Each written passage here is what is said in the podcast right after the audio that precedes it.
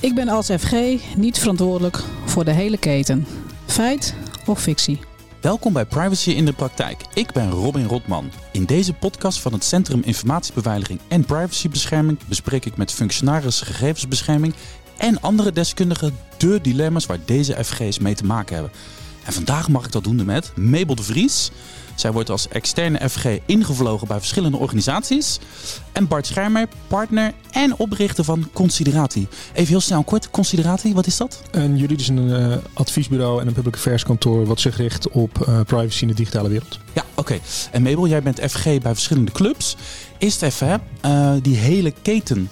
kun je even schetsen waarom het feit dat je als FG met je organisatie deel uitmaakt van een keten dat dat misschien af en toe wel eens lastig kan uitpakken.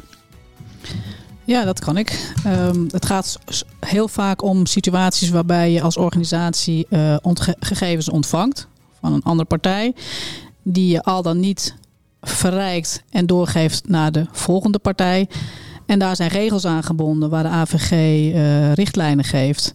En aan die regels moet je voldoen. En dat is blijkbaar niet altijd even makkelijk. Oké, dus je maakt met jouw organisatie deel uit van een keten. Uh, aan de ene kant van de keten zit een partij die levert gegevens aan. Daar kan van alles misgaan, terwijl jij je, dingetje, je zaakjes wel op orde hebt. Aan de andere kant stuur je gegevens eruit. Um, en die ontvangende partij die kan misschien ook je zaakjes niet op orde hebben. En jij bent dan FG van jouw organisatie. Jij hebt je boeltje goed geregeld, maar je zit wel met partijen aan allebei de kanten waarvan je denkt van ja, hebben jullie het wel goed geregeld? En dan kan je potentieel kan het lastig zijn voor jou als FG. Dat is een beetje het dilemma. Ja, ik wil daar iets aan toevoegen. Is dat het niet zozeer is dat anderen hun zaakjes niet op orde hebben, maar dat ze de AVG anders interpreteren dan dat die bedoeld is. Dat is het voordeel of het nadeel van een open norm, zoals we dat tegenwoordig noemen. En dat de ontvanger in dit geval vindt dat hij die informatie niet moet krijgen. En dan vind ik dat het aan ons is als FG, voor de versturende organisatie, om te zorgen dat je dat goed onderbouwt. Oeh, Bart, hier wordt hij al gelijk interessant, hè? Want uh, je kan dus inderdaad als FG het gevoel hebben dat een van die andere partijen uh, de zaakjes niet op orde heeft. Dat kan iets zijn. Maar je kan ook gewoon een interpretatieverschil hebben, kennelijk. Is het herkenbaar? Ja, dat is heel herkenbaar. Je ziet organisaties die moeten een grondslag hebben om aan een andere organisatie te verstrekken. En de ene partij die zegt van we hebben die grondslag niet. En de volgende partij zegt die grondslag hebben we wel. En zeker als je uh, onderling uh, afhankelijk bent of in een samenwerking zit. Als je dan een meningsverschil hebt over het wel of niet mogen krijgen of verstrekken van gegevens. Ja, dan, dan is, wordt, het heel, wordt die samenwerking wordt heel lastig. En wat is dan voor een FG potentieel ingewikkelder? Uh, het interpretatieverschil of, of als je echt het gevoel van oeh, klopt niet, wat zij doen klopt gewoon echt niet. Weet je wel? Wat, of is het eigenlijk hetzelfde probleem?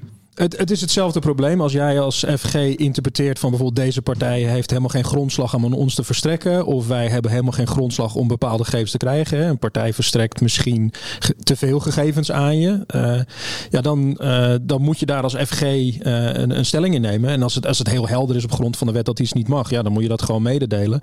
maar als het echt een verschil van interpretatie is, ja, dan kan je heel veel discussie hebben. en ook intern, hè? want als jouw organisatie wel heel graag die gegevens gegevens wil hebben.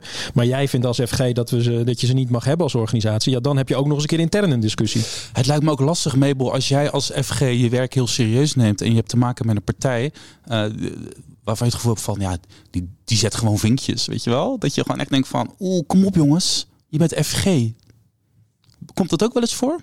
Nou, ik, in, weer, ik heb het zelf nog niet meegemaakt, maar ik weet dat het echt voorkomt. En ik denk toch dat de sleutel altijd is dialoog. En dat betekent Ga met de mensen in gesprek. Vraag waarom zij het op die manier zien en waarom het afwijkt. Probeer te komen tot een, een, een goede basis waarvan je uiteindelijk de overeenstemming hebt. Wij gaan voor de grondslag die het beste past.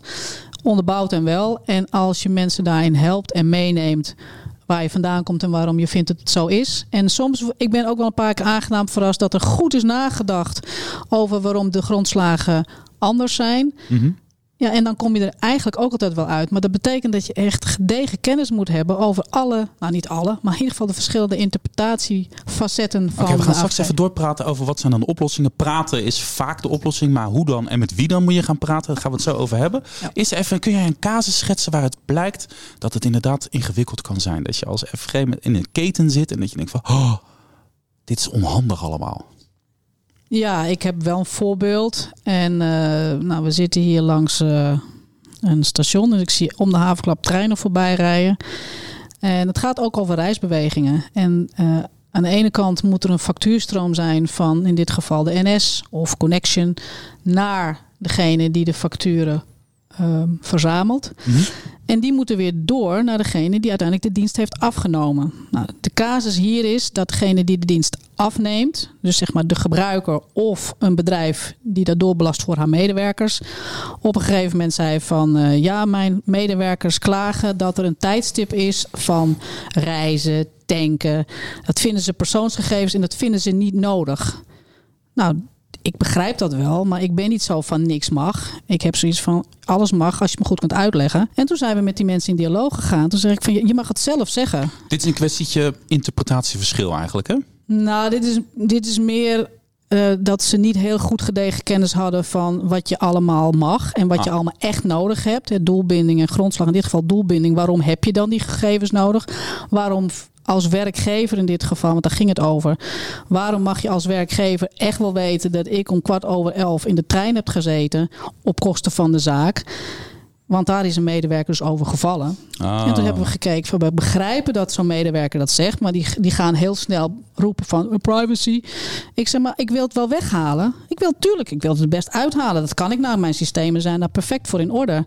Maar dan krijg jij dus elke maand een factuur voor 84.000 euro. Zonder dat je weet wie waar heeft gezeten. Jij mag het zeggen. Hmm, Oké, en dan zeg je praten, praten, praten. Nou ja, die legt dan uit waarom die gegevens er zijn. En dat het niet is om de de medewerker te controleren, want dat zit er dus achter. En, en hoe loopt dan zeg maar dat gesprek? Praat je met jouw directe collega bij die andere partijen?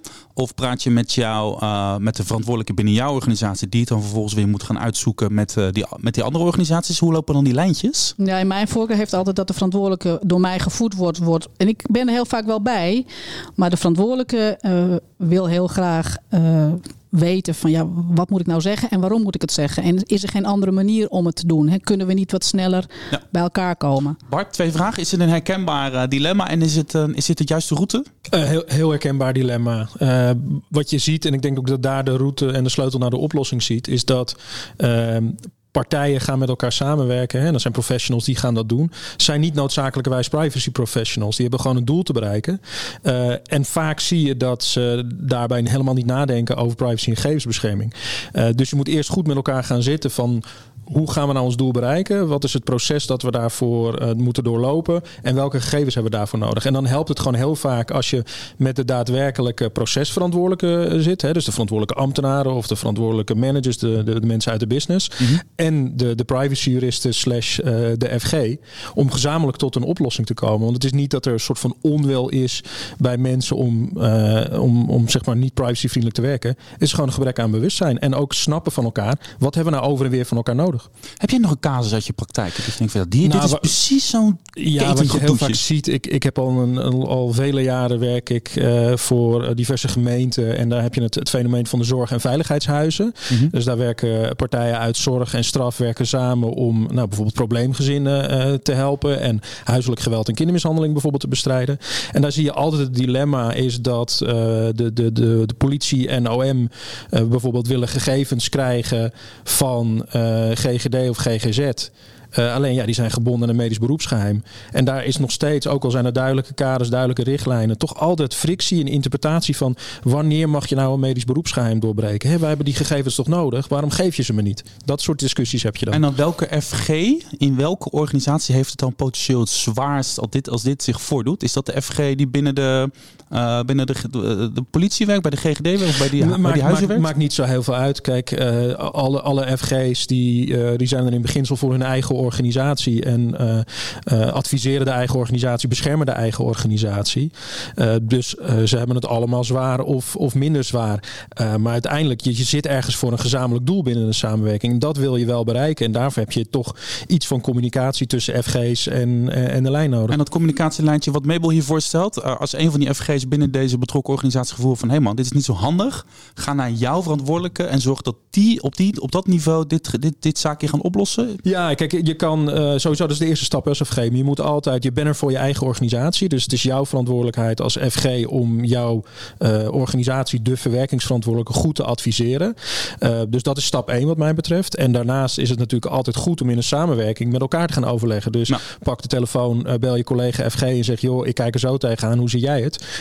dat lijkt me ook heel verstandig. Dit is altijd een klassieketje binnen, binnen jullie business, uh, Mabel. Er is een organisatie binnen de keten die wil met de beste bedoelingen. Of het gaat over veiligheid, of het gaat over gezondheid, of het gaat over een proces waarbij er geld moet teruggegeven worden aan burgers. Met de beste bedoelingen uh, moet er privacy geschonden worden. Dat is het een beetje. Daar komt dat, die komt volgens mij heel vaak terug. Ja, ik vind het niet privacy schenden. Ik denk dat als je goed uitlegt en je hebt de doelbinding, dus de noodzaak waarom je die gegevens nodig hebt, is het geen privacy schending. Het is gewoon heel goed nadenken. Heb ik de gegevens die ik verzamel allemaal nodig? En als het antwoord nee is, dan moet je wat je niet nodig hebt acuut weggooien. Mhm. Dat wat je wel nodig hebt, zijn privacygegevens. Het is niet dat je ze niet mag verwerken. Het is ook geen privacy schending, maar daar moet je zorgvuldig mee omgaan. Het is ook het goed en verantwoord delen met informatie waar de AVG voor staat. Dus je mag best alles, eh, je kan misschien wel 60 velden gaan, gaan delen. Als je maar goed kunt uitleggen langs de wet waarom je die gegevens nodig hebt en dat het echt niet anders kan, niet met minder, omdat dan het doel waar je het voor hebt gewoon niet gehaald wordt. En daarom ben ik er altijd voor om de verantwoordelijke aan tafel te zetten. Want het is zijn business. Hij moet gaan, hij of zij moet gaan bepalen. Nou, het kan echt niet anders. Want met mijn businessdoel in, in, in, in het vooruitzicht moet ik dit allemaal hebben. Dan kom je als FG van, nou, dat vind je wel. Maar in sommige gevallen is het toch wel. Kan het wel met iets minder, toch? Als je dan, en dan moet je bedrijfsvoering kennen om daarin de sparringpartner van de directeur Oké, ja, ik wou net zeggen, je haalt de woorden mond. Je bent hier de sparringspartner van de, van de verantwoordelijke. Jij zei, er loopt een communicatielijntje van de FG's naar de, uh, naar de verantwoordelijke. En die moeten dan op hun niveau de verantwoordelijkheid nemen. Uh, en hun gebruik maken van hun bevoegdheden om daadwerkelijk hun shit te regelen. Maar wat ik hier, wat ik Bart hoor zeggen, is van, bel gewoon je collega FG's binnen die keten. En ga gewoon eens even kijken, ga even met, vind ik ook wel, die klinkt ook wel pragmatisch voor mij. Ja, als FG's onder elkaar gewoon eens even kijkt van, joh, ik signaleer dit, dat in deze keten loopt het zo. Mijn verantwoordelijke heeft deze plannen. Die van jou die plannen. Maar zijn ze weer lekker bezig, hè? Dat kan niet, hè? Weet je wel? En dat jullie als FG's gezamenlijk optrekken en allemaal... Uh... Nou ja, dat zou de ideale wereld zijn. Maar je voelt hem al. Heel vaak is dat wel de weg. Maar ik, ik blijf erbij de verantwoordelijke eerst. Het is zijn bedrijf. Hij, moet, hij of zij moet snappen wat er nodig is. Ik krijg, en dan vraag ik ook wel van laat die FG even opstellen wat hij nodig heeft en waarom die denkt dat het anders kan of moet. Dat kan hè. En afhankelijk van de toon van het mailtje besluit ik, ik ga niet met die meneer of mevrouw op tafel gaan zitten. Oh, maar jij vaart volgens mij ook redelijk. Jij bent volgens mij, want ik heb je al vaker gesproken in deze serie. Je bent volgens mij redelijk. Je bent streng, maar je bent ook pragmatisch. En je vaart volgens mij ook een beetje op je intuïtie. Klopt dat? Ja, heel erg. En, en ik bedoel, iemand die uit de hoog van de toren blaast en dingen in een mail zet. En ik denk, joh, je kent me niet geef mij ook eens een kans om te laten zien wat ik voor je kan betekenen. Nou, en dan soms één telefoontje wil ik dan nog wel eens wagen. En soms word ik ook weer aangenaam verrast. Maar heel vaak word ik dan onaangenaam verrast. Dat iemand denkt, ja, wie ben jij dan helemaal? Ja, ik ben ook geen FG. Dus dat, dat, daar zit wel een beetje een kink in de kabel. En de ontsporing van zo'n poging is toch wel kennis. Kennis en ervaring. Wanneer wordt je nou uh, spannend, Bart? Want uh, in de ideale wereld praat je dus als FG's met elkaar. En in de ideale wereld heb je ook nog een mooi lijntje met, jou, uh, met de verantwoordelijke binnen jouw organisatie. Die het dan op zijn of haar niveau goed gaat regelen. Maar wat nou als het echt spannend wordt en, het, en je hebt echt het gevoel van... Er wordt helemaal niet geluisterd en het loopt niet lekker. Wat, wat doe je dan? Ja, kijk, als, als er niet geluisterd wordt... het enige wat je als FG kan doen, wat ook je rol is vanuit de AVG... is het, de hoogste daarover informeren, onderbouwen waarom die samenwerking niet goed loopt of waarom er een verkeerde interpretatie is. En dan is het aan de verwerkingsverantwoordelijke, dus de organisatie, of dat nou een bedrijf is of een overheid, om die keuze te maken. Ja, wij gaan door met deze partner in die samenwerking of we gaan niet door. En op het moment dat je uh, telkens nul op het request krijgt van FG, ook van je eigen organisatie, dan moet je ernstig gaan afvragen of jij als FG daar wel wil blijven. Hmm Gaat het ook niet een beetje om uh, medestanders zoeken binnen je eigen rugdekking zoeken? Is dat niet een ding wat ik hoor dit vaker? Hè? Het kan een eenzaam beroep zijn, het kan een spannend beroep zijn. Je mijn rugdekking binnen de organisatie zoeken en vinden? Ja, kijk, eh, rugdekking heb je nodig. En, en bijvoorbeeld een belangrijk ding wat wij altijd implementeren is wat we noemen een, een DPO-charter of een FG-charter. Dat duidelijk is bij de aanvang van een opdracht of bij als je ergens gaat werken als FG waar je voor verantwoordelijk bent en wat je nodig hebt. Hè. Dus dat, daar begint het mee. Uh, dat is die, die rugdekking. Um, maar belangrijker ook nog, denk ik, is van je moet uh, zorgen dat je als FG gevonden kan worden. Ook door positief bij te dragen aan de oplossing van het bedrijf. En wat is ons doel als bedrijf? Wat is ons doel als overheid? En hoe kan jij als FG eraan bijdragen dat dat op een privacyvriendelijke manier bedoelt? Want anders gaan mensen gewoon om, om je heen werken. Dus uh, uh, het is rugdekking één, maar ook gewoon goed je werk doen als FG. Goed adviseren. Mee eens? Mabel? Ja, voor, voor een deel wel. En ik wilde nog even terugkomen op het feit dat jij zegt FG's moeten met FG's kunnen contact nemen. Ik heb even opgeschreven wat belangrijk is. De directie is degene die het doel heeft voor de organisatie. De procesverantwoordelijke, dat is degene in de organisatie die al die gegevens wel of niet wil hebben. Nou, marketing en sales is altijd zo eentje die kunnen goed uitleggen waarom ze al die gegevens nodig hebben. En dan blijf ik de criticaster maar waarom zo en waarom zoveel? En dat is in het begin heel irritant, dat begrijp ik heel goed.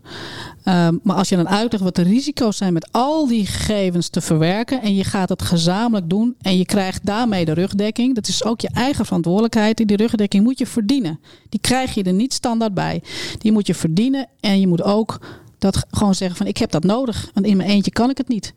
Dus die rugdekking is essentieel en daar, uh, ja, daar ontbreekt het Nu zit ik hier wel met twee mensen aan tafel waarvan ik het gevoel heb dat ze niet zo heel veel moeite hebben om eh, credits en rugdekking te verdienen. Uh, tot slot, uh, Bart, hoe, hoe, hoe, hoe kan je dat doen als je het gevoel hebt van hé, hey, hm, ik zit niet zo stevig in de wedstrijd. Wat kan je nou wat kan je doen om dat wel te verdienen?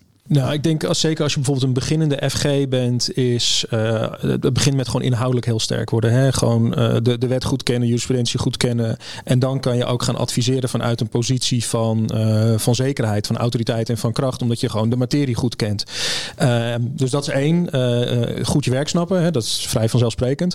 En daarnaast ook denk ik gewoon een, een positieve houding ten opzichte van de organisatie. Hè? De mensen binnen een organisatie, sales, marketing, ambtenaren mensen zijn door de bank genomen uh, ethisch, maar hebben misschien niet een bewustwording van privacy, weten niet inderdaad wanneer iets te veel gegevens is of te weinig. Dus help ze daarbij. En dan is het denk ik precies wat Mabel zegt, dan verdien je je rug denk ik. Want dan denken mensen van, oh, dat is prettig, die helpt me, die behoedt me voor risico's. En dat is misschien het laatste, die duidelijke risicoverdeling. Hè? Ja. Jij bent niet eindverantwoordelijk voor de goede verwerking van persoonsgegevens binnen een bedrijf of binnen een overheid. Dat is de organisatie zelf. Mabel, het laatste woord is jou. We hebben nu volgens mij een paar leuke uh, tips en tricks die je kan uh, gebruiken als je als situatie komt dat je binnen zo'n keten voelt. Oeh, het loopt niet helemaal lekker. Um, hoe zorg je ervoor dat je net zo stevig in de positie zit, zelfbewust als FG aan het werk gaat zoals jij dat doet? Nou ik sluit dan toch eerst even aan wat, bij, wat Bart net zegt. je moet kennis van de AVG hebben. en dan sluit, en hij zei het ook al, van je moet ook je bedrijf kennen. Je moet gewoon weten waar het bedrijf uh, voor staat.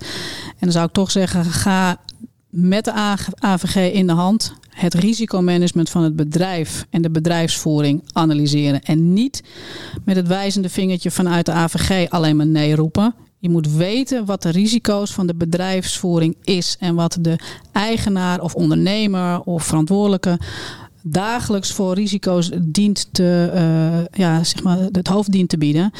En als je vanuit die kant probeert om gesprekspartner te worden, krijg je veel sneller rugdekking en veel sneller dialoog dan dat je alleen maar uit een hoekje loopt te roepen van het mag niet van de AVG. Hatsa, staat genoteerd. Mabel de Vries, Bart Schermer, dank jullie wel. Luister ook de andere afleveringen van Privacy in de Praktijk terug en ga hiervoor naar sip-overheid.nl slash uitgelicht.